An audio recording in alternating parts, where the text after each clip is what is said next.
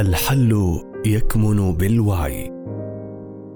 إنتاج منصة عصر السلام لنشر الوعي الذاتي وعلوم التنمية البشرية.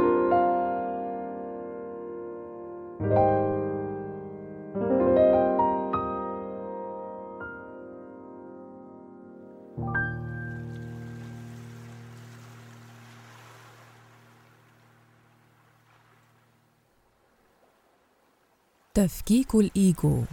طرق متنوعة للتحرر من التعلقات. في الحقيقة أنت هو من يعطي القيمة للأشياء. ليست الأشياء هي التي تعطيك قيمة.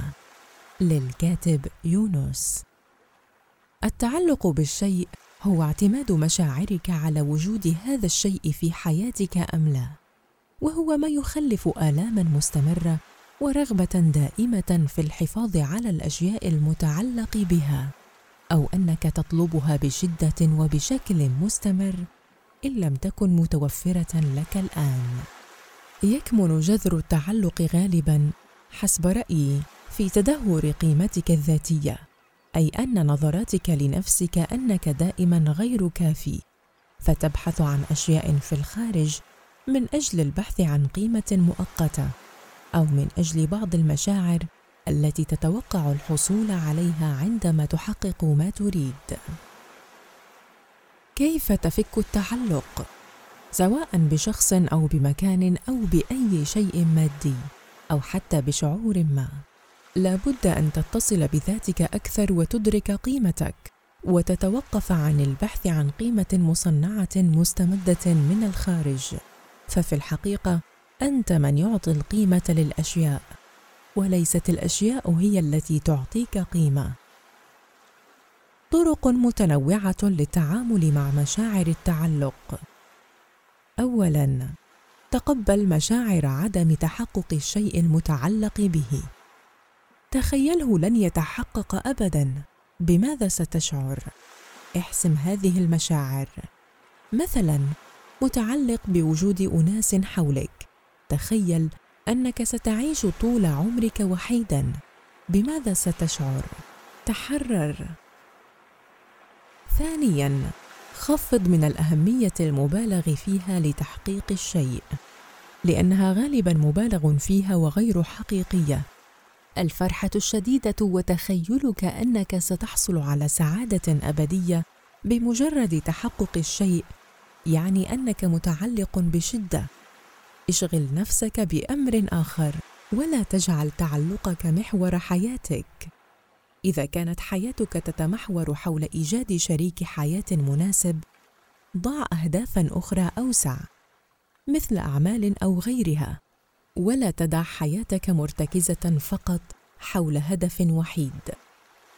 ثالثا بارك واسعد للأشخاص الذين حققوا نفس هدفك. إذا كنت متعلقا مثلا بالرغبة في أن يحبك شخص ما فأنت ستشعر بالحرمان أو النفور. كلما رأيت اشخاصا متحابين إذا استطعت أن تفرح لهم من قلبك وبصدق وتتمنى لهم المزيد فهذا يعني أنك تخلصت من التعلق. رابعا تخيل الحصول على ما تريد وهذا ليس تمرين قانون الجذب أو ما شابه. لكن وببساطة الشخص المتعلق لا يستطيع حتى تخيل حصول هدفه الآن لأنه متعلق به بشدة فهو يضعه في مكان بعيد وصعب التحقق كأنه أمنية أو حلم. إذا استطعت تخيل حصول هدفك بدقة الآن فسيزول التعلق مباشرة. مثال شخص متعلق بوزنه المثالي. هو لا يستطيع تخيل نفسه بوزنه المثالي الآن. إذا استطاع ذلك فهو ليس متعلق. والسبب أنك تبحث عن تعلقك بالأشياء عن مشاعر معينة. فإن استشعرتها الآن وكنت مصدرها فلن تحتاج إلى التعلق بشيء ما حتى يوفر لك هذا الشعور. خامسا تحرر من المخاوف وراء التعلق. وراء كل تعلق غالبا مخاوف من شيء ما. قد يكون التعلق بالمال خوفا من الفقر مثلا أو التعلق بصورتك أمام الناس خوفا من رفضهم لك. إذا تحررت من الخوف سيزول التعلق. سادسا تخلى عن هدفك لمدة خمس دقائق فقط. هل تستطيع فعل هذا؟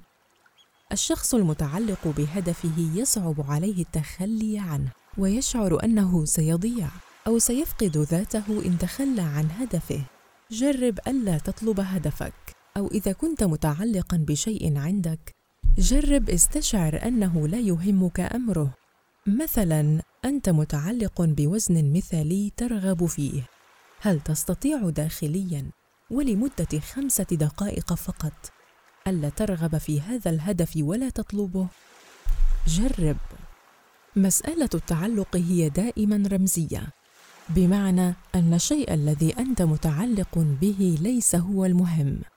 أنت متعلق بسبب الرابط الذهني الذي صنعته.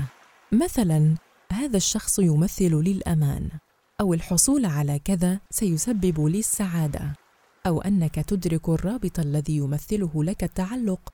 تستطيع بسهولة تفكيكه والتحرر منه. أهم أسئلة قد تسألها لنفسك هي هل التعلق بما أريد أفادني للحصول عليه؟ إذا لم يفدني لماذا ما زلت متعلقا به؟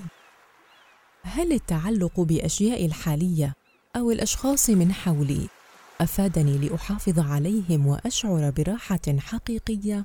إذا لم يفدني لماذا لا أتحرر منه؟